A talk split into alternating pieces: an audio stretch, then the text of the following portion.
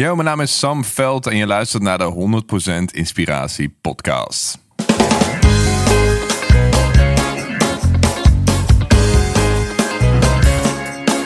Hey, wat goed dat je luistert. Hij staat weer voor je klaar. Je wekelijkse dosis inspiratie is weer daar.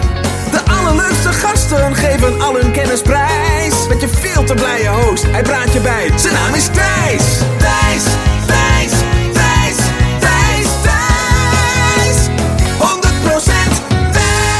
Jingeltje hoor. Ja, welkom man. Is dit voor het eerst dat je hem hoort? Ja, ja, het is de eerste keer dat ik, hem, eh, dat ik, hem, dat ik ook naar de tekst luister. Ja, en nu ja. heb ik jouw gezicht erbij, dan, eh, dan matcht hij in één keer ook helemaal. De, de licht narcistische jingle. Ja, ja, maar dat hoort bij een jingle, toch?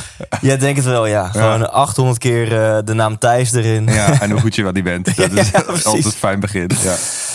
Ja man, wat een eer om jou hier in de studio te hebben. En eh, wa- was dit ook gelukt eh, pre-covid? Had ik jou dan gewoon, wat is het, op een woensdagochtend naar Amersfoort kunnen lokken? Of... Ja, het was wel lastig plannen geweest. Eh, ik zei net ook al in ons voorgesprek van ja, ik, ik, ik- meestal ben ik 80% van de tijd ben ik weg. En dan met weg bedoel ik echt in het buitenland. Ja. Elke dag naar een andere, andere stad. 150 shows per jaar.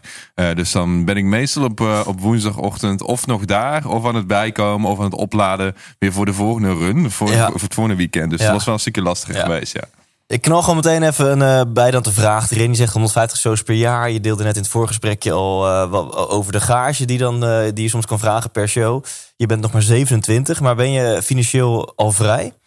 Ja, dat, dat, dat, denk, dat denk ik wel. Als je nu kijkt naar mijn investering, mijn vastgoed en alles wat, daar, wat daaruit voortkomt, dan kan ik in principe wel stoppen. Ja. Maar voor mijn gevoel ben ik pas net begonnen. Ja. En ik weet niet of het eh, aangeboren is, of je dagcreme, of het feit dat je gewoon nu een wat minder drukke agenda hebt. Maar je ziet er, je ziet er super ontspannen, relaxed uit. Geen walletjes. Ja, thanks. Eh, nou, ik, ik- het is op dit moment best wel een beetje, het is een stressvolle tijd in de zin van, nou, ik, ik doe weinig, maar aan de andere kant zijn er andere projecten die wel gewoon heel veel tijd en energie opslokken. We hadden het net al Ja. even over Fangage, mijn label, eh nou, gewoon heel erg mee bezig. Dus ik ben eigenlijk helemaal niet eh, zo rustig als je denkt op het Ja, moment. ja, Eh, maar dat is, dat is mooi dat het er in ieder geval van de buitenkant wel, eh, wel zo uitziet. Ja. Want, nou, e- eerst dan even een korte introductie. Want het is live als in, een in, in een oude versie van deze podcast deed ik achteraf nog een introotje inspreken. Dat is nu niet. Dus Ja. nu doe ik het live, zeg maar. Eh, ehm, voor de mensen die jou niet kennen. nou ja, je artiestennaam is, is Sam Veld. En eh, ehm, nou, in 2015 zou je kunnen zeggen, ben je doorgebroken met een, eh, nummer Show Me Love. eh, door Spinning Records uitgebracht. Ja, en sindsdien heb je nummers gemaakt met Lucas en Steve, met, met Akon, met Kesha. Echt de groten der aarde. wat je zelf al zegt, 150 shows per jaar. Je hebt op de grote festivals, Coachella, Tomorrowland, heb je op de hoofdpodia gestaan. Eh, je hebt in privéjets gezeten. Op bevrijdingsfestivals had je een helikopter. Ja. Eh, dus dat is echt even de succeskant van jou als, eh, als artiest. Maar als ondernemer, een van de vele projecten die jij bent gestart is bijvoorbeeld Fangage. Daar gaan we het uitgebreid nog over hebben. Een, een, een tool om artiesten te laten connecten met hun volgers, met hun fans. Maar je hebt ook een anti-katermiddel Always Bright op de markt gebracht. En met de Hartveld Foundation ja, promoot je een milieubewuste levensstijl. En eh, volgens mij kwam je daarop omdat je een keer in een privéjet zat. en je dacht, hm, eh, dit is niet heel milieubewust wat ik aan het doen ben. Nee, klopt inderdaad. Ik ben opgegroeid eh, of opgevoed door, door twee, twee hippies eigenlijk. Altijd vegetarisch. eigen groenten verbouwen in de tuin.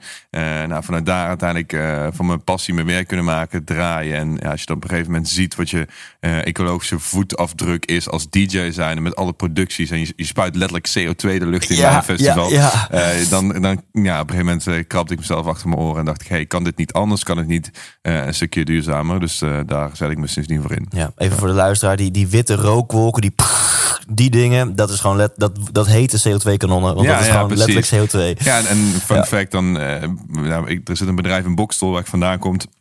Komt er heet Magic FX. En nou, samen met hun zijn we ook aan het kijken naar CO2 op waterstof bijvoorbeeld. Oh, of cool. confetti die oplost als het de grond raakt. En, Oh, en ja. dat soort eh, interessante technologische ontwikkelingen Vet. die, eh, ja, die het artiestenbestaan misschien toch Ja. wat, eh, wat meer duurzaam kunnen maken. Oké, je trekt nu al zoveel vragen. Ik wil Ja. weten, zat dit er altijd tot die ondernemer in jou? Je stond afgelopen weekend in de Ziggo Dome, dames en heren.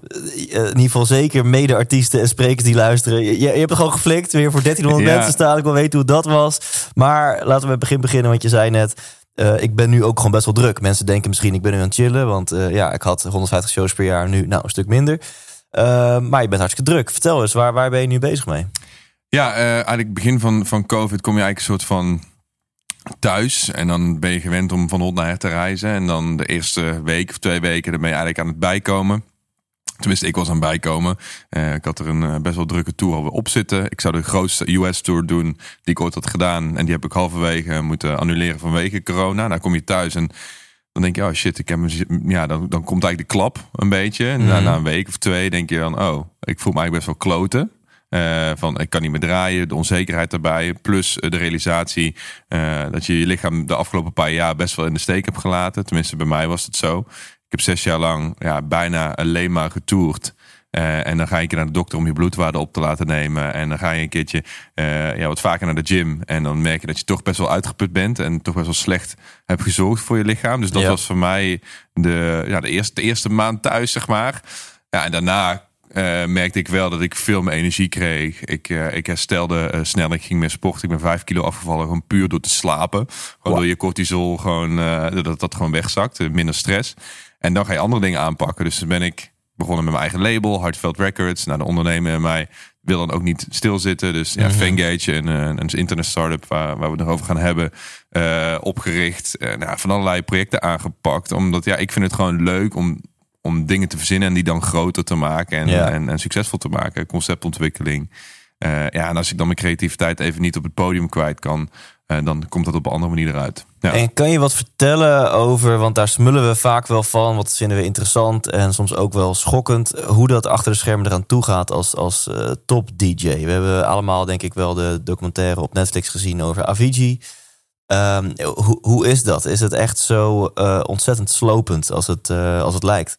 Eh, ja, je kunt het eigenlijk zelf zo slopend maken als je wil. Eh, het is aan jou natuurlijk om te bevestigen. Kijk, in, in het geval van Avicii eh, was er natuurlijk ook een management bij betrokken. En, en boekers die, best wel een druk op hem legden. Ik heb gelukkig wat dat betreft een goed team om me heen. Wat ook mijn gezondheid centraal stelt. Want die snappen ook. kijk, als ik hem nu tien extra shows laat doen. Dan is het op de korte termijn heel gunstig. Maar op de lange termijn zit hij misschien in een burn-out. Eh, dus wat dat betreft eh, kun je dat zelf redelijk goed bepalen. Hoeveel shows doe je? Hoeveel drink je erbij? Eh, Ja. ja, ja, hoe zorg je ervoor dat je genoeg rust houdt tussen de shows, na de shows, tussen de tours in. Alleen het, het verleidelijke is dat het je passie is. Dus dat je eigenlijk het liefst 24 uur per dag op het podium wil staan en, en, en die energie wil voelen. Dus dat is een, een ding natuurlijk. En ook, ook de beloning, eh, financieel natuurlijk. Dat je ja, af en toe moet je gewoon nee zeggen tegen iets waar mijn moeder een, een jaar voor moet werken. En dan moet je voor jezelf nog relativeren van ja, oké, dit is de juiste keuze. Ja. Terwijl A, je wil het, want het is je passie. En B, het verdient goed. En dan, dan moet je eigenlijk naar je lichaam luisteren. Maar ja, soms weegt dat niet tegen elkaar op. En dan ga je toch die extra show doen. Denk je achteraf van shit, had ik niet moeten doen. Eh, en, eh, en dan voel je het in je lichaam de, de weken of de maanden daarna. Ja, want Ja. De, de krenten uit de papshows zijn shows waarbij er gewoon vijf nullen op je bankrekening worden bijgeschreven om te draaien. Ja, ja die zijn erbij. Eh, en, en zeg daar maar dan maar eens nee tegen. Ook al moet je daar dan voor eh, op en neer naar Korea. Ja, Ja. Dat, en dat is dan niet goed voor je. Maar aan de andere kant is het ook lastig te relativeren. En ik vind het nu wel makkelijker. Omdat ik nu thuis zit en nul shows heb. En merk dat ik, ondanks het feit dat ik geen shows heb... toch mijn hoofd boven water kan houden. Toch het bedrijf kan laten groeien. Toch ja, mijn, ja, mijn, mijn, mijn brand kan uitbreiden. Dus ik heb de shows niet meer nodig. En ik denk dat voorheen eh, was dat wel altijd een beetje mijn gevoel van... Ik, als ik een show afwijs, dan ben ik eigenlijk mijn carrière aan het vergooien. Oh ja. Terwijl ik nu meer, eh, ik zie meer als de cherry on the pie. eh, Ja. Van eh, een kroon op het, eh, op het harde werken.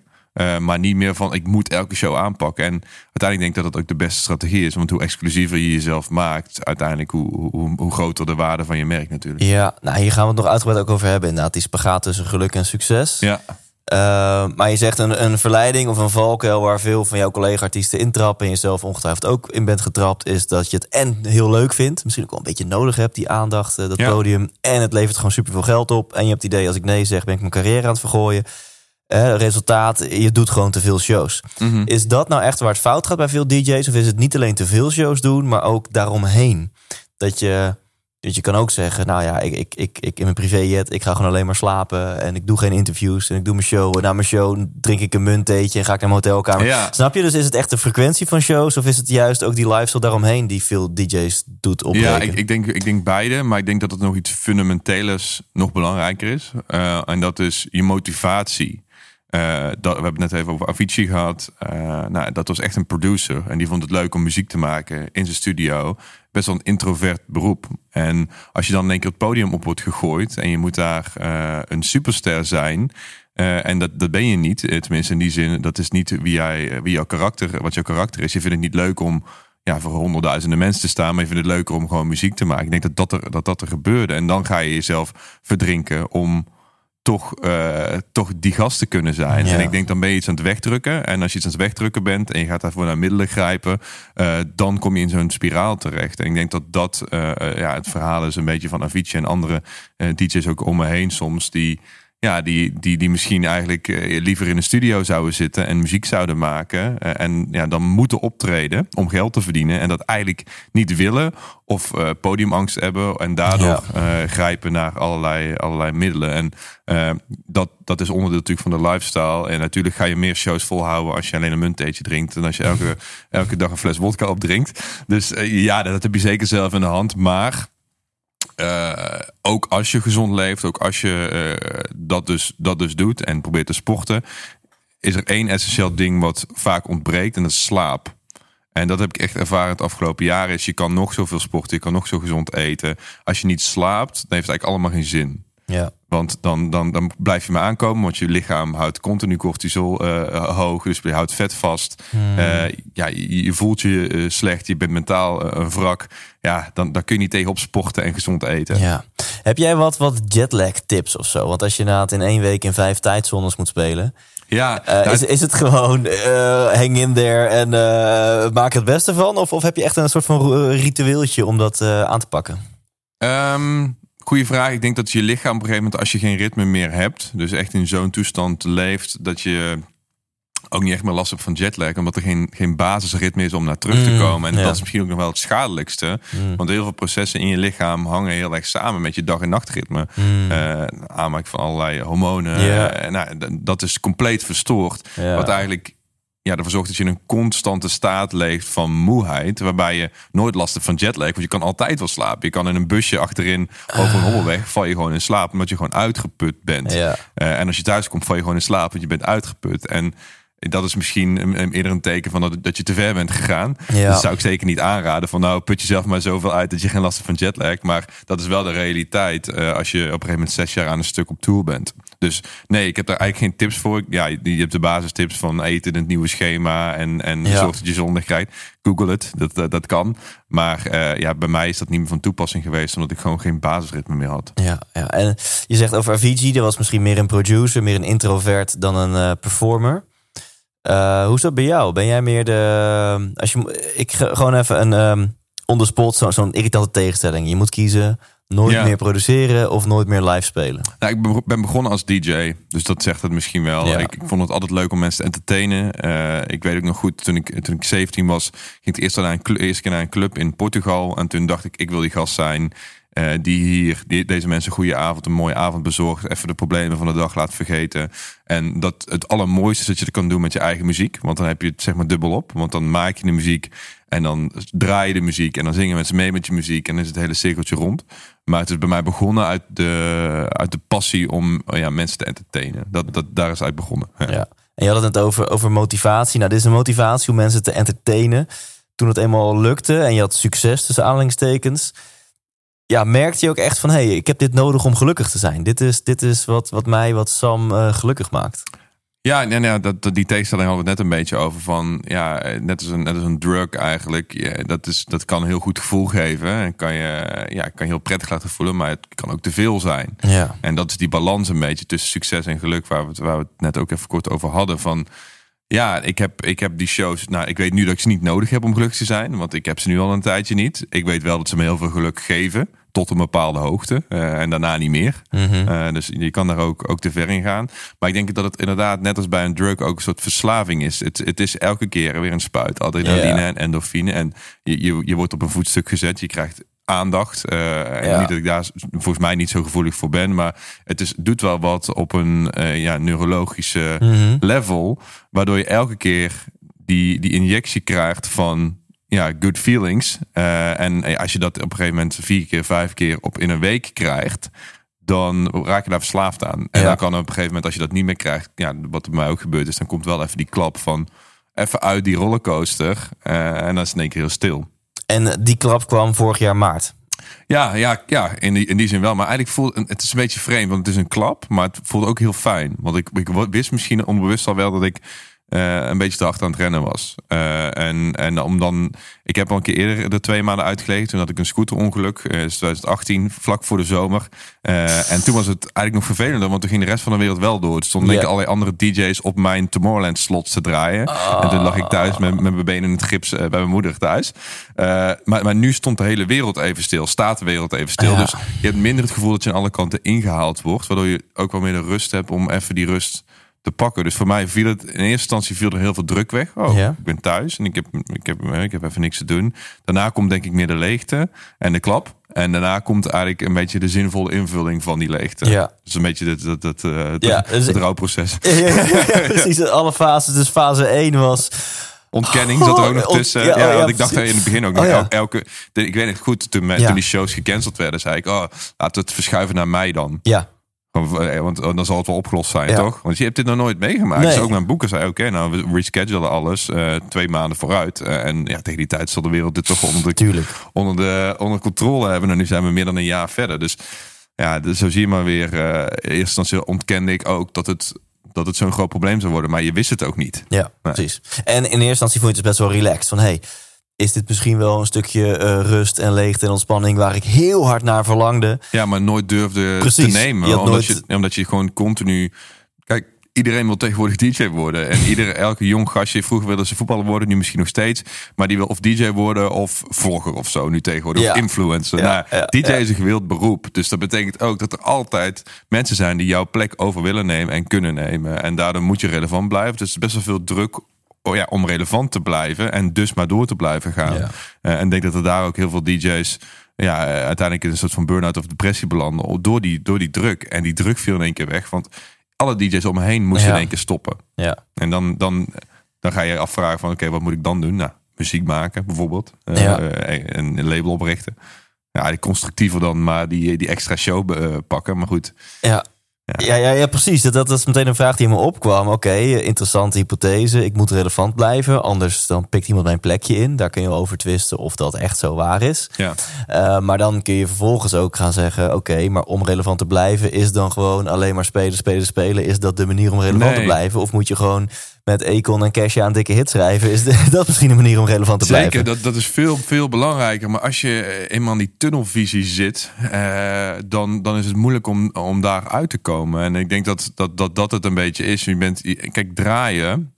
Kijk, met draaien verdiende ik het meeste geld. Dus dat is de motor van je business. Dat is uiteindelijk ja, het bedrijfsonderdeel wat de rest liet draaien. Ja, ja, ja. Letterlijk. Eh, en, en als je daar dan mee stopt, dan voel je je in eerste instantie niet meer nuttig. Ja, Want het, want het levert, levert in één keer geen geld meer op. Dus dan denk je, oh ja, oké. En de rest voelt dan een beetje Ja. secundair. ja. Terwijl ik er nu achter ben gekomen dat ja, door eigenlijk niet meer te draaien en vol te focussen op mijn muziek. eh, ja, ik oh, eh, aan muziek nu op hetzelfde eh, niveau zit qua omzet als, als met mijn draaien. Nee joh. Dus ja, dus, dus Holy shit. En wat kun wat kun je wel eens over het businessmodel vertellen? Is dat gewoon streams op Spotify? Is dat. Nou, ja, muziek heel simpel heeft drie soorten recht. Dus je hebt, eh, je hebt je publishing, je hebt je neighboring rights en je hebt de master rights, je copy, eh, copyright. Dus echt op de plaat zelf. En dat zijn eigenlijk de drie belangrijkste inkomstenstromen. Eh, ja, waarbij je, nou, de Buma kennen we allemaal, dat is publishing. Je hebt de Sena, dat eigenlijk je neighboring rights. En dan vaak je label, de master-eigenaar, die, ja, die, eh, maar, die maar, maar publishing, dat is dus eh, streams op Spotify bijvoorbeeld? nou, het, is- in elke vorm van gebruik van muziek komen eigenlijk die onderdelen allemaal terug. Dus is een beetje, kijk, publishing is echt schrijven. Dus ja, als ik een liedje maak en er staat hier eh, op een papiertje Sammy Boerderender, 27 jaar oud, geboren in Boksel. En dat stond op, jou, op jouw eh, speakbriefje. Nou, dan heb ik, en ik zet dat op een, op een beat. Dan heb ik recht op die zin. Ja. Eh, en dat is dan mijn publishing. Want ik heb die tekst geschreven. Nou, dat is het ene recht. Neighboring rights is eigenlijk meer wie heeft op die plaat meegespeeld. Dus als jij er een gitaartje op speelt, eh, dan, dan krijg je daar geld voor. Ja. Ook al heb je de melodie niet verzonnen die je speelt, maar echt het, het uitvoeren. Ja.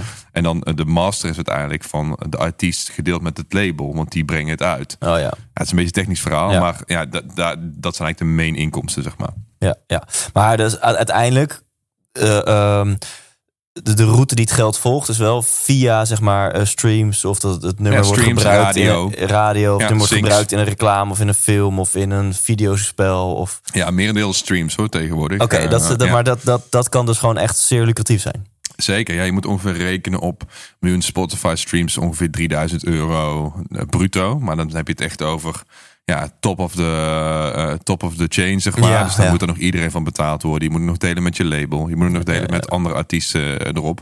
Dus het hangt er heel erg vanaf wat je deal is, hoeveel je daarvan overhoudt. Eh, en je hebt natuurlijk ook heel veel kosten. Denk aan een videoclip, denk aan mastering kosten, een mixer, een engineer, artworks, marketing, TikTok influencers, eh, allemaal dingen die daarbij komen kijken. En dat is wel leuk, want ik heb nu sinds maart mijn eigen label en dan leer je eigenlijk van die andere kant te kijken. Want eerst ben je altijd gewoon artiest, je bent getekend bij een label. En je stuurt de muziek en zij regelen de rest. Ja. Alleen nu heb ik mijn eigen label, Heartfelt Records. Dus zit je ook op de, één keer op de stoel van de labelbaas. Eh, en, Ja. en het is wel leuk om die kant ook te leren kennen. Maar alsnog, en misschien ben ik een te grote nerd en wil ik het details te veel in.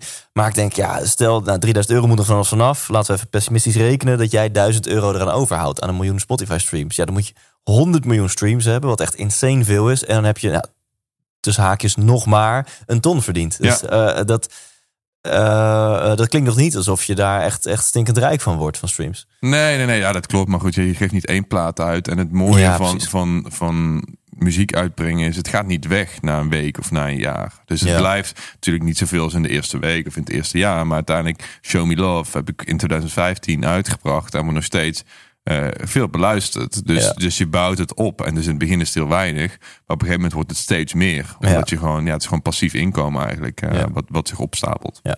En nog even over dat, dat gat dan, hè? want je, je splitste de, de after-COVID-klap. eh splits je op in drie categorieën. Categorie 1, oh chill, ik kan, kan ik er slapen. Categorie 3 was dan, oh, ik kan nu andere dingen gaan doen. Maar daartussen, fase Ja, 2, le- is een beetje was even die leegte. Hoe, hoe, hoe was die leegte? Eh, wat heeft dat met jou gedaan? Was dat, ehm, ja, was dat gewoon wel oké? Of was je echt wel even, zat je er echt even goed doorheen? Ehm, nou, ja, ik ben altijd, eh, probeer altijd, heel, ja, dat is een beetje in mij. Ik probeer altijd dingen productief op te, op te pakken en misschien soms te productief, eh, dat ik die leegte eigenlijk niet wil voelen. Dus ik ben toen heel erg juist in de gezondheid gedoken. Eh, ook met een coach gaan werken eh, aan. Nou, ik heb een hele DNA-test laten doen, bloedtest, eh, hormoontest, de hele, de hele mikmak. Gewoon om even te kijken, hoe sta ik ervoor? Ja, en en, en hoe, kun, hoe kan ik hier snel mogelijk uitkomen? Je Ja. wel, dus ik ben altijd heel erg aan het kijken, oké, wat is dan wat, is, wat is een oplossing voor dit probleem? Nou, dat, soms is dat goed, soms moet je gewoon voelen. En dat, eh, dat doe ik soms niet. Dan ga ik gewoon, ga ik gewoon aan de slag. Maar in dit geval was het eh, denk ik wel goed. Want daardoor ja, ben ik, had ik best wel snel weer een plan om er ook weer bovenop eh, te komen. En wat ik dan wel en niet moest eten. Qua slaap. nou, bepaalde supplementen voor, dingen die eigenlijk tekort kwam of was gekomen. Mhm. Dus eigenlijk vol daarop gericht. En vanuit daar weer energie gekregen om die nieuwe projecten allemaal op te pakken. ja, tof. Ja. Dus dat is best wel de, de, depressieloos gegaan, zeg maar. De, Ja, nee, ja, je, kijk, je mindset het- is altijd wel sterk. Het was niet een, eh, een enorme depressie. Het was meer, en dat heb ik nu nog steeds. En ik denk dat heel veel mensen dat dit met me delen. Is het gewoon een, ja, gewoon, het is gewoon saai. Het is gewoon, ik ben alleen maar aan het werk. Of ik ben me aan het vervelen. Weet je wel? En, dat, en je moet thuis zitten. Dus Ja. of je zit dom voor de buis. Of, Ja. of, of een, eh, iets thuis te doen. Maar eigenlijk de dingen waar ik echt energie van krijg. Los van mijn werk. eh, wat ik al heel veel doe. Is nou, het draaien. Met vrienden afspreken. eh, Lekker uit eten gaan. Nou, dat missen we allemaal. Ja, Dus ik, het, is, het is geen depressie, het is meer een soort van saaiheid. Waardoor ja, mijn leven op dit moment eigenlijk heel erg bestaat van, eh, aan heel, uit, heel hard werken. En dan s'avonds uh, ja.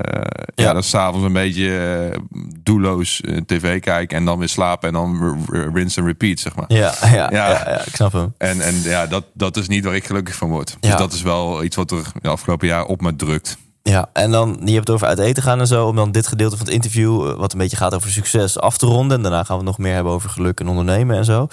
Eh, maar hoe, hoe bekend ben jij? Als jij, eh, als straks alles weer mag en jij gaat erop uit en je gaat even een hapje eten ergens. eh, word, jij veel herkend of valt het mee? Ja, ik, ik weet het niet. Ik weet dat Nederlanders best nuchter zijn. Dus ik weet dat eh, als, je nou, als ik naar Amerika ga, ja. Als ik naar Azië ga, dan staan ze bij, de, bij het vliegveld staan ze op me te wachten met zelfgemaakte cadeaus, knuffels. Ja, echt een groep shit. hordes met fans. Maar Nederlanders heb ik het idee dat die, ja, als je eh, naar Chesto op straat ziet, ziet lopen, zou je misschien ook niet aanspreken. Ja, dat is Chesto. Maar, maar hij zal het nooit weten. Dus dat weet ik niet. Eh, ik heb wel het idee dat, uh, dat het het laatste jaar meer is geworden. Uh, dat mijn plaat ook in Nederland, bijna elke plaat komt op de radio. Dus dan gaan mensen toch kijken wie is erachter. Je ziet het dan met social media, dat groeit.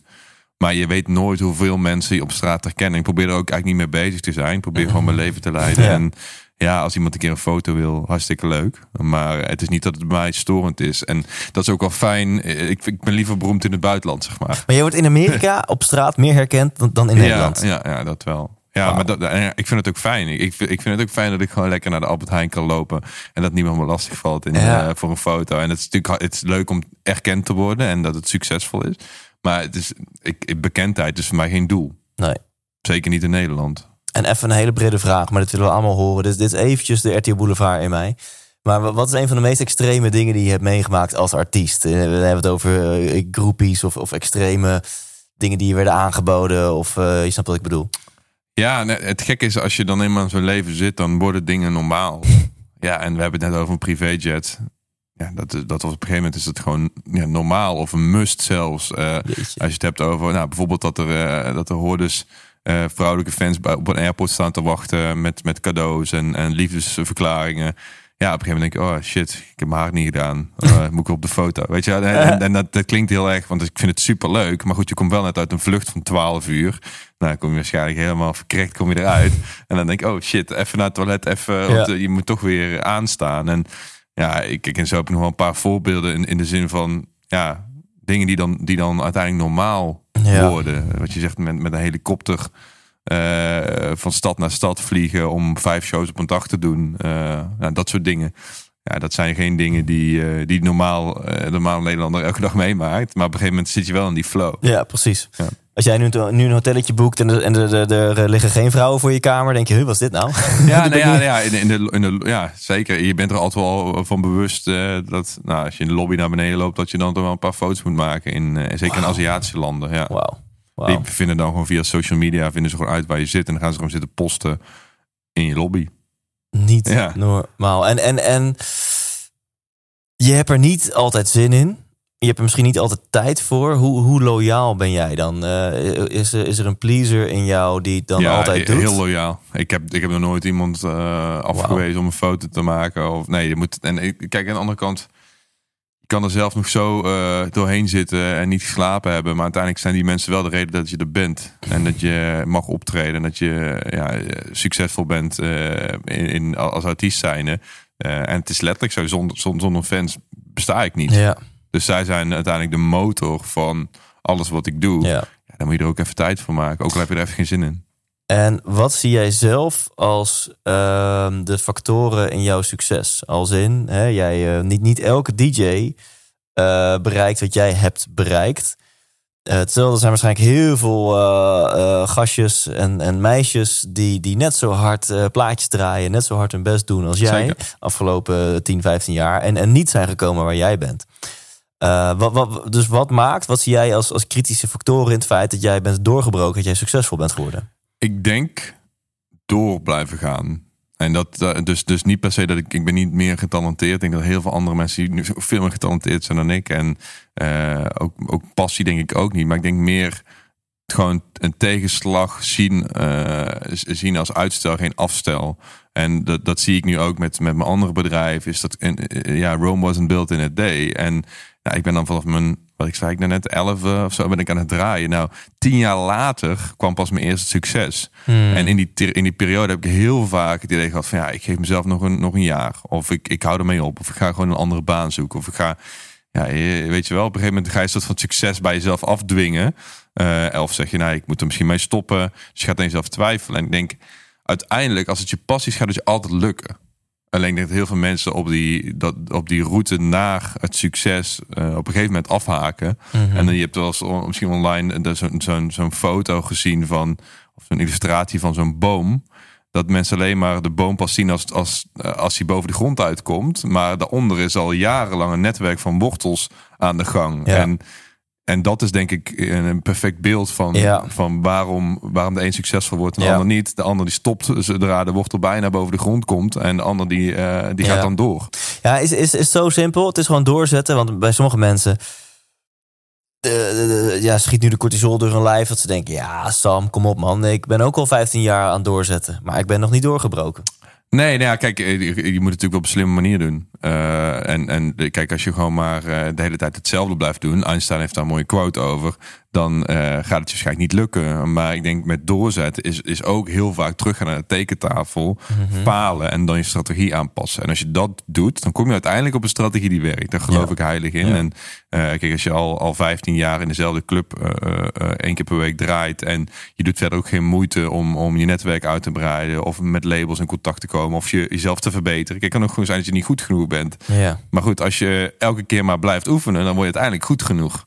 Eh, alleen je moet er wel de juiste strategie op loslaten. Dus eh, ja, Ja, wil je daarmee zeggen dat het in jouw ogen maakbaar is? Succes? ik denk dat, je, dat, het, dat het wel af te dwingen is. Ja, ja daar, daar geloof ik echt wel in. Ja. Ik, geloof, ik geloof heel erg in de, in de law of attraction. Dat je alles waar je aandacht aan besteedt, dat het groter wordt. Dat je met visualisatie ook heel ver eh, kan komen. Natuurlijk moet je er wel actie aan, eh, Mhm. aan, aan, aan ontlenen. Maar ja, ik zie dat bij mezelf. Ik weet nog precies een jaar geleden eh, waren een paar dingen die speelden. En hoe die ik graag anders zou willen zien. in, in mijn bedrijven bijvoorbeeld. En had ik gewoon de situatie die, waar ik nu in zit. Had ik toen bedacht als, oh, als, als, als het zo zou kunnen zijn, dan zou het heel fijn zijn. Daar ben ik gewoon elke dag in, eh, op gaan mediteren. En vervolgens neem je dat de hele dag met je mee. En onderneem je daar ook actie op, onderbewust. Ja. En nu is het werkelijkheid. En ik geloof, daar, daar geloof ik echt heel erg in. Want het is nog nooit voorgekomen dat ik echt de focus heb gelegd op een, op een visualisatie. En dat het niet is uitgekomen, Ja. uiteindelijk. Ja, dus à la The Secret. Je, je doet en het visualiseren, het mediteren, de intentie, de focus.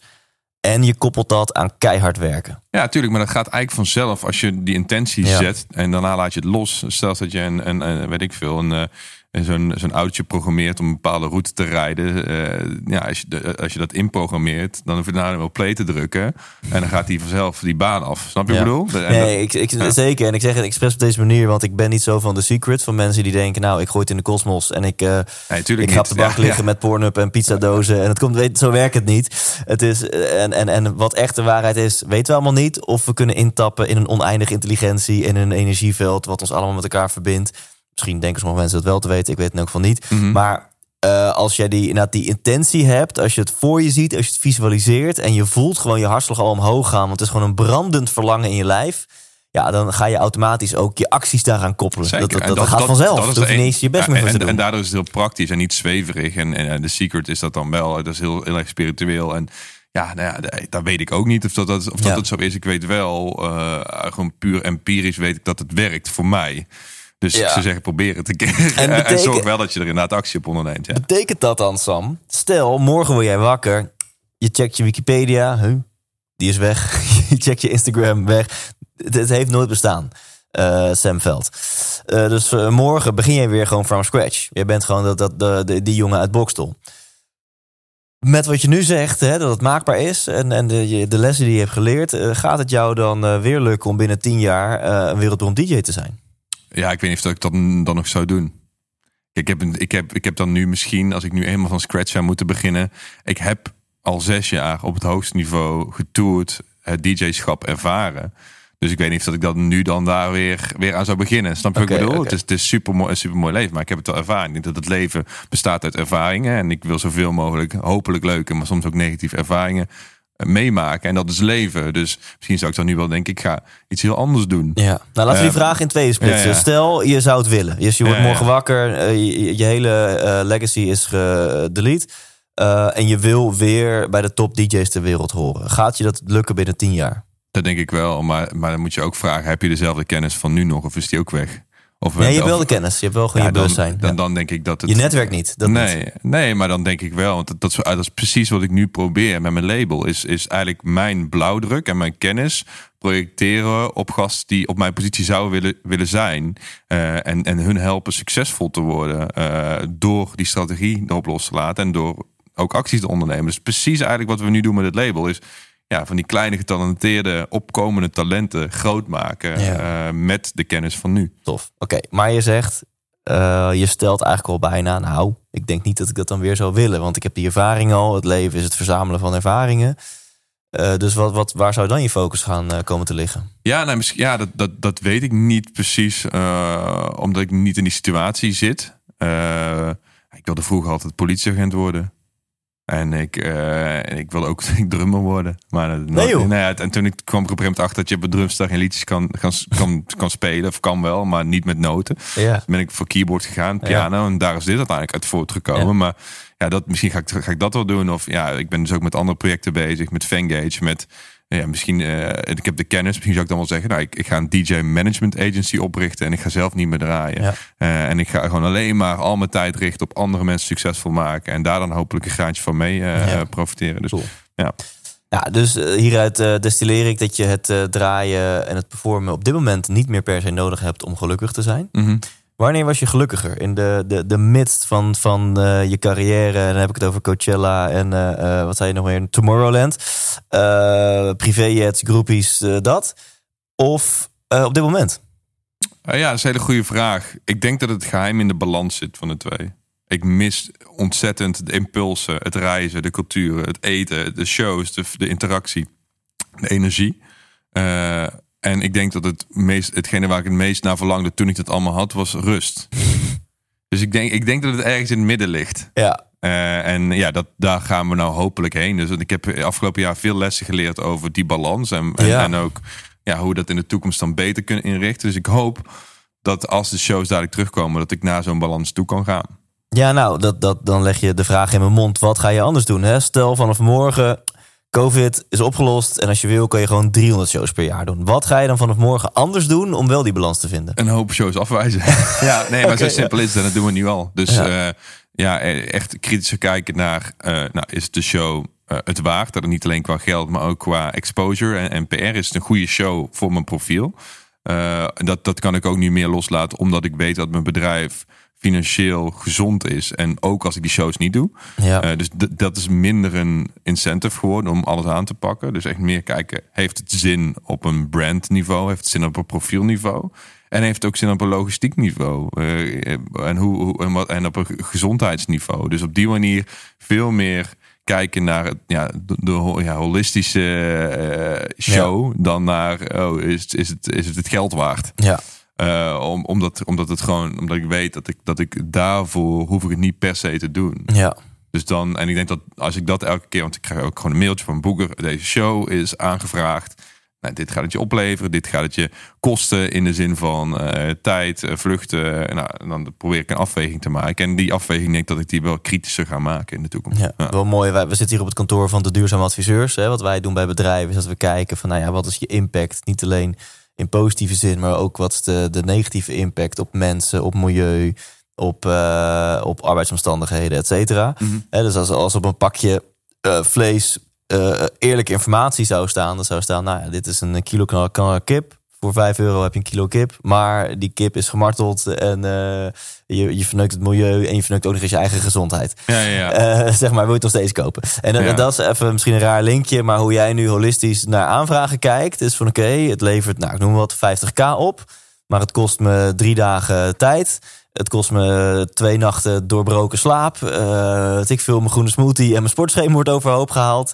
En ik wil eigenlijk met mijn meisje die middag een romantische lunch in het park. Precies. Ik noem maar wat. En dan Ja. kijk je van oké, is dit het waard? Ja, zeker. En ja, uiteindelijk eh, is, is tijd is letterlijk je kostbaarste goed. En, en dan, is, dan is het de vraag niet, eh, is, het, is, het het, ehm, is het financieel mijn tijd waard? Maar is het mijn tijd waard in het, het bredere plaatje? Ja. Ja, Ja. vet. Cool.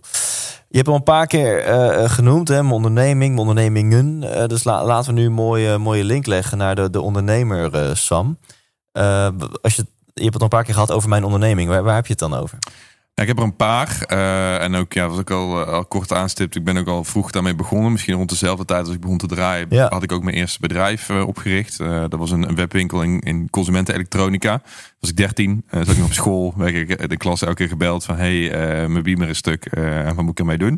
Dus dat was niet heel handig, maar Mhm. de ondernemerschap zat er eigenlijk vanaf hetzelfde moment, misschien wel eerder zat het al in, Ja. als, het, als het draaien en produceren. Ja, Ehm, en dat, dat sla je er ook niet uit. Dus dat is eh, en zeker in zo'n tijd eh, van 2020, waarbij je in één keer weer tijd en energie vrij hebt, eh, ja, dan heb ik daar mijn volledige focus op ge- gelegd. Dus ik heb Hartveld.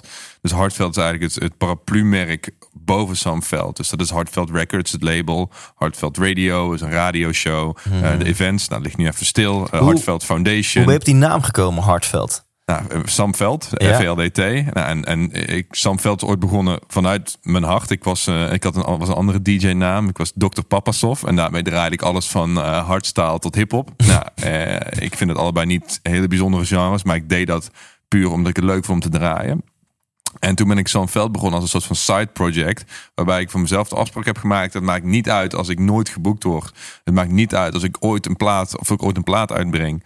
Eh, maar ik ga het gewoon alleen, ga alleen maar muziek maken die uit mijn hart komt. Eh, want ik moest een creatieve uitlaatklep hebben. En ik had nooit verwacht dat dat, dat groot zou worden. En juist toen ik dat deed, toen ging het in één keer goed. En, en kwam het succes. Dus daarom vond ik het heel, heel passend om ja, Hartveld als Ja, naam te hanteren. En wat ik daar probeer te bereiken is dat alle entiteiten binnen Hartveld, dus de events, de radioshow, alles met elkaar in een soort van synergie is. Dus van mijn Hartveld Records gaat 1% van de royalties gaat naar de foundation. Daarmee kunnen we weer toffe projecten doen. Dat zorgt weer voor exposure, waardoor meer artiesten zich bij ons aan willen sluiten. Eh nou, die artiesten kunnen we weer promoten in de radioshow. Die kunnen we weer boeken op de evenementen. Dus eigenlijk heb je zo'n soort van netwerk Ja. van companies eh, die elkaar allemaal versterken. Dus dat is eigenlijk Hartveld. En, eh, Dus o- onder, onder de, de holding of de... eh, hoe, je het ook, hoe je het ook hebt ingericht, juridisch gezien. eh, Hartveld, daar hangen een stuk of vijf, zes BV's. De foundation, de Ja. plaatsmaatschappij, de, de radioshow, de events. Ja, en, en het versterkt elkaar allemaal. Dat is wel, wel mooi, want daardoor kan je je tijd heel efficiënt indelen. Want als jij, als ik een minuut van mijn tijd in, in de stichting stop, helpt dat ook het label. Ja. Eh, en, en vice versa. Dus dat is, dat is wel, ja, dat is een beetje hoe ik dat heb opgezet. Los daarvan heb ik ja, Fangage. Fangage is een, een internet startup. Daarmee helpen wij creators, dus artiesten, podcastmakers, eh, ja, maar ook bijvoorbeeld labels, voetbalclubs, iedereen met content eigenlijk, content en fans, helpen we om eh, ja, eh, ownership te krijgen over die fanbase. Dus heel veel creators bouwen een fanbase op TikTok of, of YouTube of Soundcloud of Instagram, maar zijn daarmee eigenlijk met een vroeger MySpace. ja, precies. Toch? Of Hives. Nee, Ja, dat, ja. nee, je weet wat daarmee gebeurd is. Dus die zijn eigenlijk heel erg afhankelijk van die social media kanalen om hun, hun, hun, hun fans te bereiken. En nou, die volgers die daar allemaal binnenhaalt, die zijn eigenlijk niet eens van jou. Want je kan er misschien maar 1 tot 5 procent van bereiken. Anders moet je gaan betalen om je, je post eh, Ja, te boosten. ja. Nou, ik kwam daar zelf achter als artiest zijn. Van hey shit, ik heb een, een miljoen volgers op allemaal verschillende kanalen. Maar ik, ik heb geen manier om ze te bereiken. Ik heb geen e-mailadres, geen telefoonnummer. Het enige wat ik kan doen is Mark Zuckerberg een bak geld geven. En dan hopen dat iemand mijn post ziet. Nou, Ja. vind ik absurd. Want als jij fan van me bent, je klikt niet voor niks op like. Je, vindt dat, je wil op de hoogte gehouden worden. Dus mijn fans voelen zich buitengesloten. Want die, die worden niet op de hoogte gesteld als ik een show doe in, in Amsterdam. Bijvoorbeeld. Ja. En, en ik, ik, ik, ik ben eigenlijk geen eigenaar van mijn eigen merk. Eh, nou, da- daar moest iets aan veranderen. Daar is Fangage voor gekomen. Waarbij creators makkelijk eh, hun data kunnen verzamelen van een fanbase. Fans krijgen er dan content voor terug. Eh, wat ervoor zorgt als jij een, een theatershow hebt in Amstelveen. Dat jij gewoon heel makkelijk kan zien. Dit zijn mijn fans uit Amstelveen. En die gewoon letterlijk een appje kan sturen. Ja, of een vet. mailtje. Of kan bellen desnoods. Van hey, kom je naar mijn show? Ja. Eh, en los daarvan kan je ook geld verdienen als creator. Dus je kan ook bijvoorbeeld memberships verkopen aan je, aan je fans. Bijvoorbeeld voor 5 dollar per maand eh, kan je de 100% Inspiratie podcast een week eerder luisteren. Eh, en op die manier, zeker in deze tijd, eh, ja, toch ook een andere manier verzinnen om, om geld te verdienen. Ja. Maar dit, dit, als ik even heel eerlijk mag zijn, dit, dit lijkt me lastig om aan de man te brengen. Want we hebben inderdaad, wat je al zegt, we hebben al Insta en TikTok en fucking Clubhouse. Eh, dus het lijkt me lastig om, om mensen die al zoveel platformen hebben over te halen van hey, stap over op, eh, op Fangage. En, en om nog maar te zwijgen over, nu moet je ook eens je fans gaan Ja. opvoeden dat ze via Fangage met jou moeten connecten. Hoe is dat? Ja, wij zeggen nooit stop met wat voor platform dan ook. Maar je moet je wel realiseren wat het platform is. En het is ten eerste niet jouw platform. Eh, je bent daardoor heel erg afhankelijk van nou, een algoritme. Nou, als, als dat verandert, dan kan je zomaar je carrière kwijt zijn. Dus het is eigenlijk een soort van educatief proces waarbij we ja, creators toch ervan willen bewust van willen maken wat het risico is van een, een carrière bouwen op geleende grond. Ja. Eh, en, en als, die, als je lease afloopt, dan kan het zomaar klaar zijn. Of het platform valt weg, zoals bij My, MySpace of Hives. Het algoritme verandert. Hun verdienmodel verandert. Je wordt eraf gekikt Ja, omdat je je een keer wat over COVID hebt gezegd. Ja, precies. Nou, kijk wat er bij Trump gebeurd is. Je kan het met hem eens of oneens zijn. Maar hij is wel gewoon echt, omdat hij geen data had, is hij gewoon mond, ja, heeft gewoon echt, echt gewoon silenced, zeg maar. Nou ja, en ik denk dat het belangrijk is dat je als, als creator realiseert dat je een merk bent. Ja, Philips die gaat ook niet, die, die heeft ook een CRM-systeem. Waarom heb jij dan geen FRM-systeem waarin je al je fans hebt staan? Ja, is toch logisch? Ja, Eh, fans relationship management. ja, ja, dat zit in Fangage. Dat, zo, zo promoten we het. eh, maar ja, dat, dat, dus ja, het, het is lastig. Want mensen denken, ja, ik ben te groot op, eh, op Insta. Ik heb toch een miljoen volgers. Wie kan mij wat maken? En als het goed gaat, dan hebben ze niet nodig. En als het slecht gaat, dan hebben ze er geen geld voor om erin te investeren. Maar je ziet wel dat steeds meer mensen hiervan bewust raken. Van, ja, van, van eigenlijk wat ik net allemaal Ja. zeg. En, eh, ja, en, en ook kijk naar de, de social dilemma. Eh, die, die film over de algoritmes. Ja. En hoe, hoe dat Ja. eigenlijk de hele ervaring beïnvloedt. Hoe, hoe, dat mensen kan sturen. Ja, het is nu gewoon eh het platform van de hoogste bieder geworden. Facebook en Instagram. Ja. Ja, het is geen social media meer. Nee. De sociale is er wel uit. Ja, en oké, Fangage is dus dat, dat, dat als je dat aanschaft, is het van jou. Dan kan je het integreren in je website en jij bent de baas. Ja. Ehm, eh, eh, betekent dat dat je ook al je fans naar je website moet loodsen? Is er ook een app dat, dat mensen wel op een telefoon makkelijk dan... eh, Ja, ik, we hebben een webapp. Dus ik, ik geloof ook niet in dat jij als fan van 50 eh, artiesten 50 apps op je telefoon wil hebben staan. Dus nee, we hebben geen app en dat hebben we expres niet. Want we willen die drempel zo laag mogelijk maken. Dus eigenlijk wat er gebeurt is, jij zet op je Instagram story een, een snippet van 15 seconden van deze podcast. Eh, swipe up en dan kan je de hele podcast luisteren. Nou, om dat te doen moeten mensen even met één klik zich aanmelden. Met bijvoorbeeld Facebook of, of Google of, of Spotify.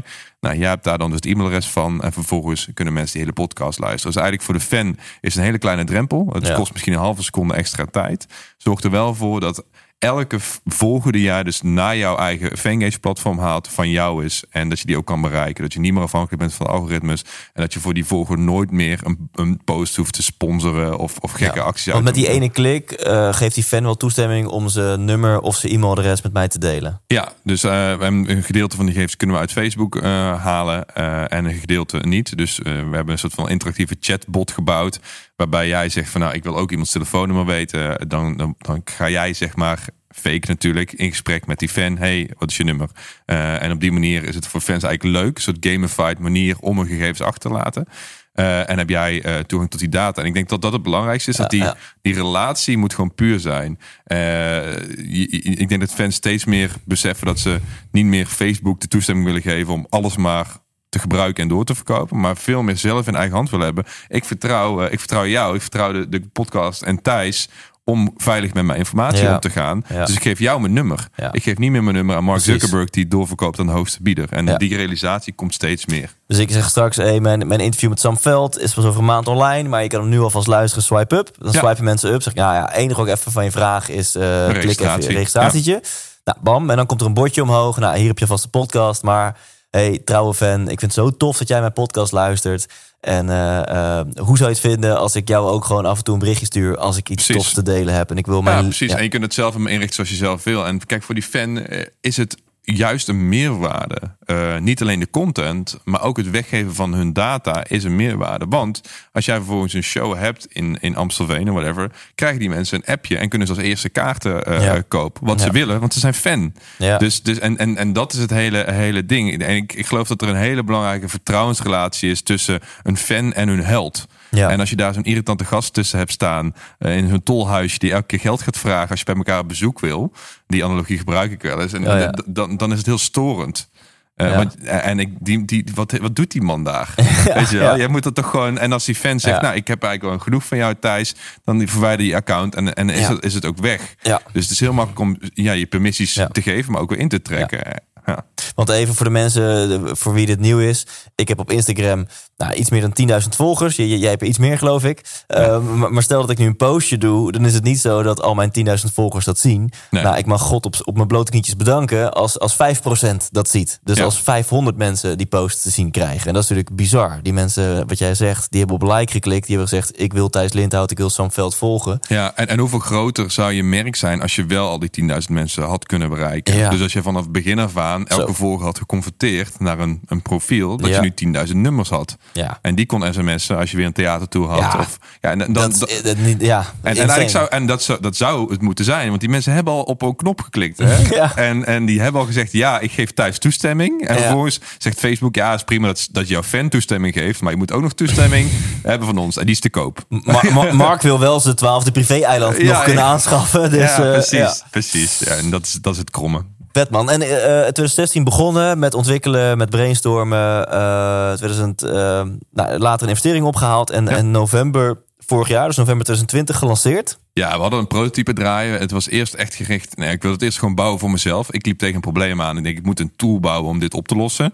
Toen kwamen we er eigenlijk achter. Hey, heel veel andere DJ's die vinden dit ook, eh, eh, ja, vinden het ook handig. En hebben- lopen tegen dezelfde problemen aan. Dus toen zijn we, hebben we een stuk of 35 top DJ's hebben we aangesloten op een soort van prototype platform. Ja. Eh, nou, toen hadden we eigenlijk de product market fit, zoals het dan heet, bewezen. Van nou, er is dus vraag naar zo'n product. Toen zijn we geld gaan ophalen. Hebben een crowdfunding actie gedaan. Uiteindelijk drie ton opgehaald. Eh, in 2019 en daarmee zijn we het echte systeem gaan bouwen.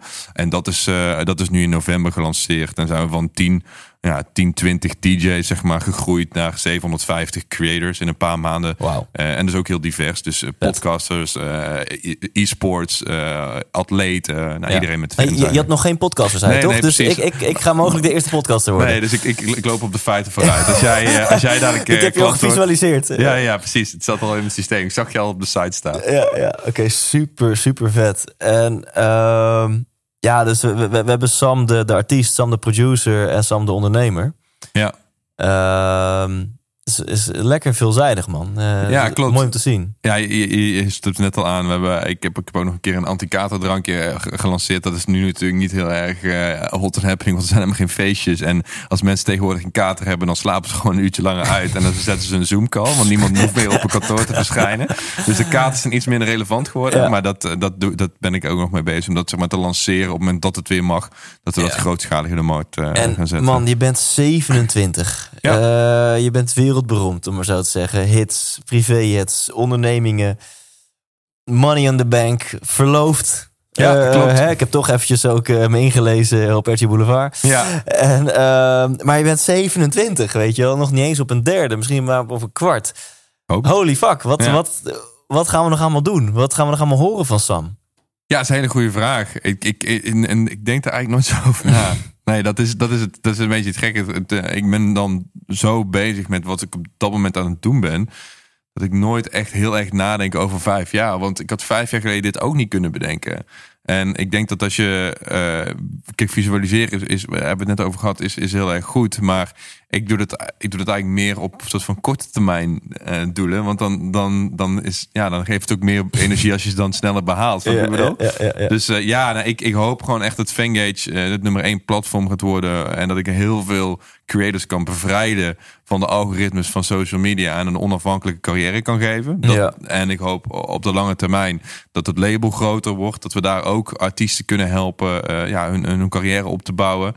Eh, en ja, met Sam Veld eh, heb ik het idee dat we muzikaal gezien ook pas net zijn begonnen. In de zin van, ja, ik, ben nu, ik heb nu een plaat met Kesha, maar dat opent in één keer weer deuren met andere popsterren Ja. en met, met andere samenwerkingen. En ja, vanuit die samenwerking kun je uiteindelijk weer betere shows doen. Kun je, Ja. kun je je productie weer vergroten. Dus ja, Ja. het is, ik, ben, ik heb gewoon een paar projecten die gewoon ja, waar mijn hart ligt, Hartveld. Hè? Dus, eh, en, en, en daar ben ik gewoon volle bak mee bezig om dat groter en beter te maken elke Ja. dag. En je zegt inderdaad eventjes in een bijzin een samenwerking met Kesha. Hoe, hoe- is dat? Heb je, hang je één op één? Staat Kesha in je telefoon? Eh, ja, die staat wel met telefoon, ja, maar ik heb er nog nooit in het echt gesproken. Want ik, eh, ja, wel gesproken via de telefoon en via, via WhatsApp en, en zo. Maar, Ja. maar ik heb er nog nooit gezien, omdat ja, de COVID. Dus als, als Nederlander mag je op dit moment Amerika niet, niet in. Eh, LA is in lockdown waar zij woont, dus eh, dat was een beetje lastig. Dus Ja. eh, we hebben de clip aan elkaar moeten lijmen met beelden in LA en beelden in, in Nederland. En, Dus jij zit in je joggingbroek achter je draaitafel thuis en daar dat eh, webcammetje erop en daar is een clip nee, gebouwd. het was wel, we hadden een, een loodsje gehuurd in, Ja, in Den. Bosch en daar wordt opgenomen. Maar ja, nee, dat, dat het is een andere manier van werken, maar ook weer eh, een vertrouwde manier van werken. Want normaal ben ik eh, on the road, zijn mijn mensen die ik samenwerken ook, ook bezig of ook, ook onderweg. Dus je, je ziet elkaar eigenlijk vaak pas bij de videoshoot. eh en, en dan, dan kom je er vaak achter dat het gewoon hele aardige, leuke mensen Ja. zijn. Maar van tevoren weet je het eigenlijk niet.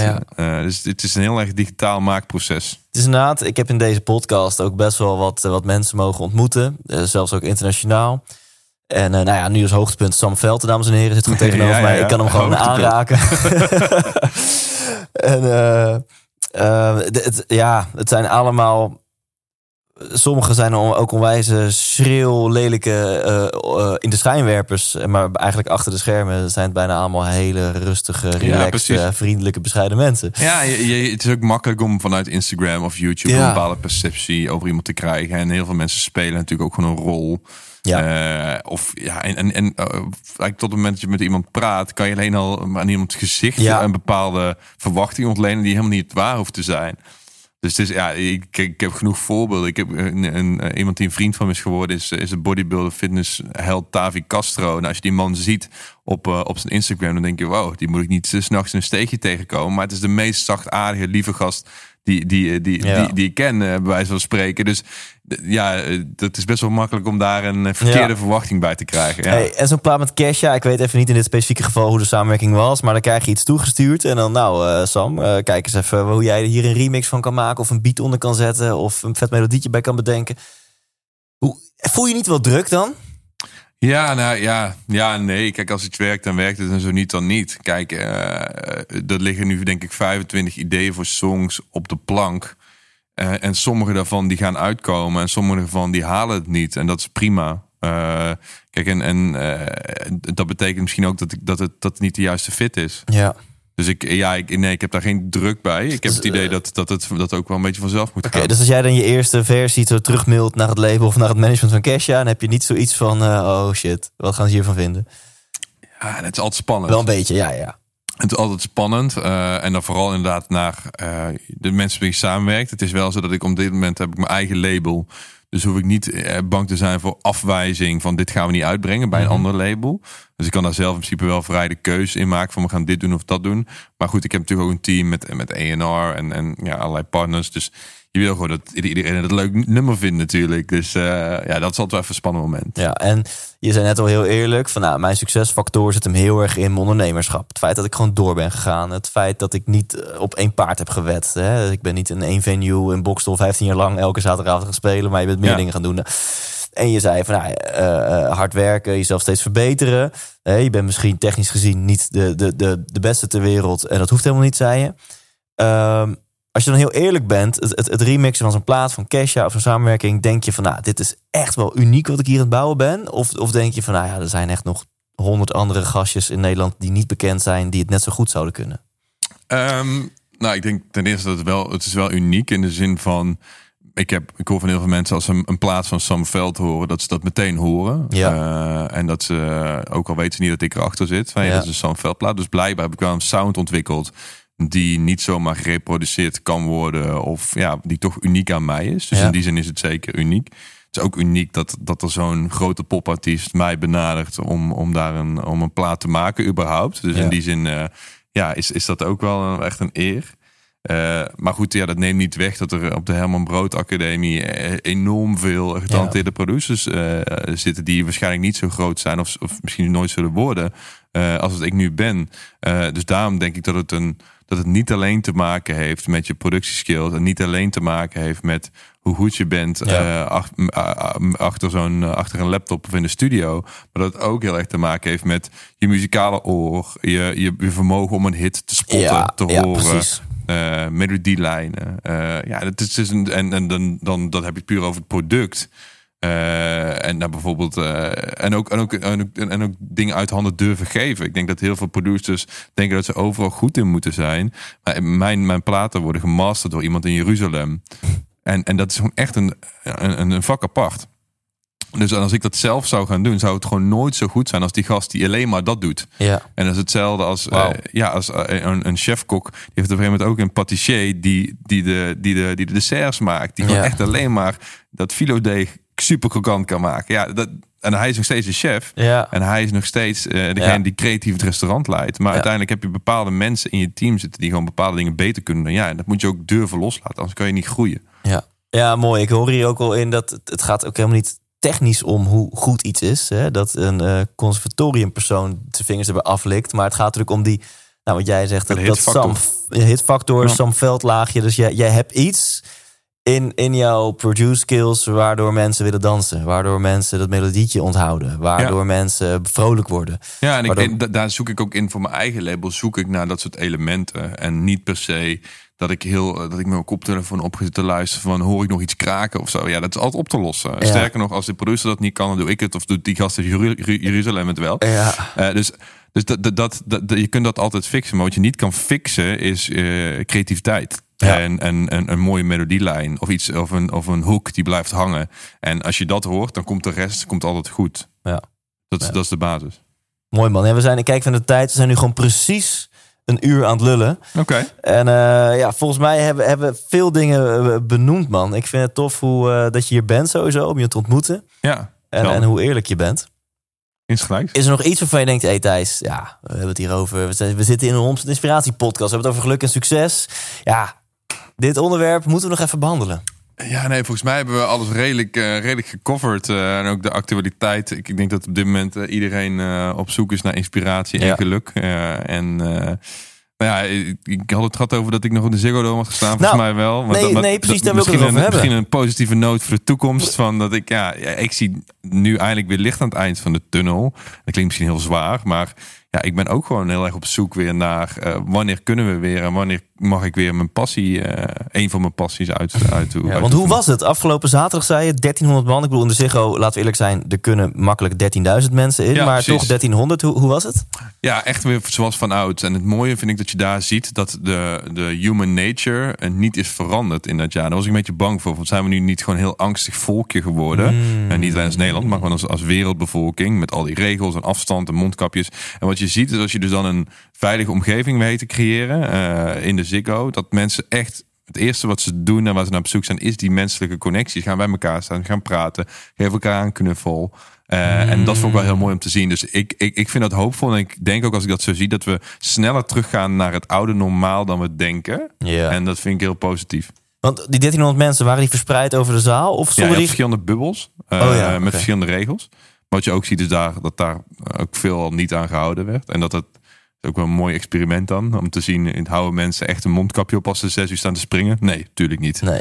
Dus ja, en, en, en, maar ik vind het ook juist wel mooi om te zien. Want ja, ik was een beetje bang van, we zijn, al- als ik nu kijk, als ik dan door de Albert Heijn loop, dan is iedereen zo bang geworden. Eh, en eh, ja, ik, ik hoop gewoon dat we dat, dat we dat ook met z'n allen snel Ja. weer los kunnen laten als het kan. Ja. En dat, dat bewijst zo'n evenement, denk ik wel. Ja, en ehm, hoe was het, man? Want ik bedoel, ik heb voor het laatst in februari eh, vorig jaar voor op, in de normale setting voor mensen gestaan. Nog wel mooie venues meegepakt. Ik had het Beatrix Theater, Tuschinski, eh bioscoop in Amsterdam Vet. mocht ik staan en de Amsterdam Rij. Als, allemaal als drummer spreken. Dus waren echt eh, mooie gigs. ja. Hoogtepunt van mijn carrière tot dan toe, toen COVID. En ik heb afgelopen oktober van mijn nieuwe theaterprogramma nog vijf shows een anderhalf meter setting kunnen doen. Nou, toen stond ik al bijna te janken bij het opkomen van, oh, ik sta weer voor mensen. Maar dat is nu ook weer voorbij. Dus hoe, hoe was het om gewoon weer te doen wat je doet na een jaar? Ja, in eerste instantie ben je natuurlijk een beetje roestig. Eh, want Ja. ja. normaal ben je gewoon elke week ben je bezig met USB-updaten. Je zit zo in een flow dat het eigenlijk vanzelf gaat. En ja, is misschien hetzelfde als je een jaar niet, niet auto rijdt. En denk oh, kut, hoe is het, gaat het ook weer? Dat schakelen en eh, koppeling. En, eh, dat, dan, dan moet je even nadenken weer. Maar ik merkte wel dat het al vrij snel weer ja, vanzelf ging. En dat het dan eigenlijk, dat je dan op mensen dat door hebt van, oh, ik kan dit. Ik kan het nog steeds. Dan laat je het eigenlijk meer los en dan ga je er echt van genieten. Ja. Dus het was meer de eerste half uur was ik gewoon bezig met, eh, oh shit, weg het ook alweer. Eh, en daarna ging het geleidelijk over in toch die staat van flow. eh, en, en, en gewoon echt genieten. En dat was Lekker. gewoon echt superleuk. Ja. Lekker. Dus laten we vanuit gaan dat eh, in september en zo... eh, Dan ben ik weer als goed weer ingespeeld. Ja. Oh. Oh. Tot slot, jij had het even kort over mediteren. Ben je spiritueel? Ja, wel op een, praktische manier. Ik eh, ben niet eh, iemand die eh, daar heel erg diep en lang over nadenkt. Ik geloof wel in ja, dat we allemaal energie zijn en dat we daardoor ook op een onbewust niveau met elkaar communiceren, los van het praten en de lichaamstaal. En dat alles energie is. En ja, ik, ik merk gewoon praktisch gezien, merk ik bij mij de voordelen van meditatie en visualisatie. En ja, dat vind ik dan niet, ja, het is wel spiritueel, want het heeft met je geest te maken. Maar heeft voor mij niks met een religie te maken. Nee, oké, mooi. Nou. Eh, een beetje knullig, maar ik loop naar het soundboard om de outro jingle aan te zetten. En dan, maar dan aan jou nog laatste vraag. Is er nog, eh, eh, mag jij dat ondertussen doen, een slot wijsheid die je Ja. wilt delen met de luisteraar? Oh, wauw, daar vraag je me wat. Oké, nou ja, ik, ik denk dat het heel erg belangrijk is om, eh, nou, zoals mijn naam van mijn label zegt, hartveld, je hart te volgen. En dat klinkt heel cheesy, maar ik heb jarenlang geprobeerd om het te maken als DJ. Nooit gelukt tot het moment dat ik dat ging doen. Dus eh, follow your heart, create your own style and stick with it. Thanks man. 100% wijs! En jij als eh, luisteraar of kijker ook bedankt. Check het even op YouTube, hè, want eh, dames, hij zit hier gewoon echt tegenover me. Sam Veld. Eh, geen imitator of zo. dat zou wel mooi zijn. Precies. Geen hologram. Hij zit hier gewoon echt. Dus heel tof. jij als kijker of luisteraar. Dat je naar deze episode hebt geluisterd. Hou ook zeker Fangage in de gaten. Dat gaat gewoon heel erg groot worden. Eh, Sam, jij bedankt man voor je tijd, energie bedankt. en liefde. Thanks. Tot volgende week. Leef intens.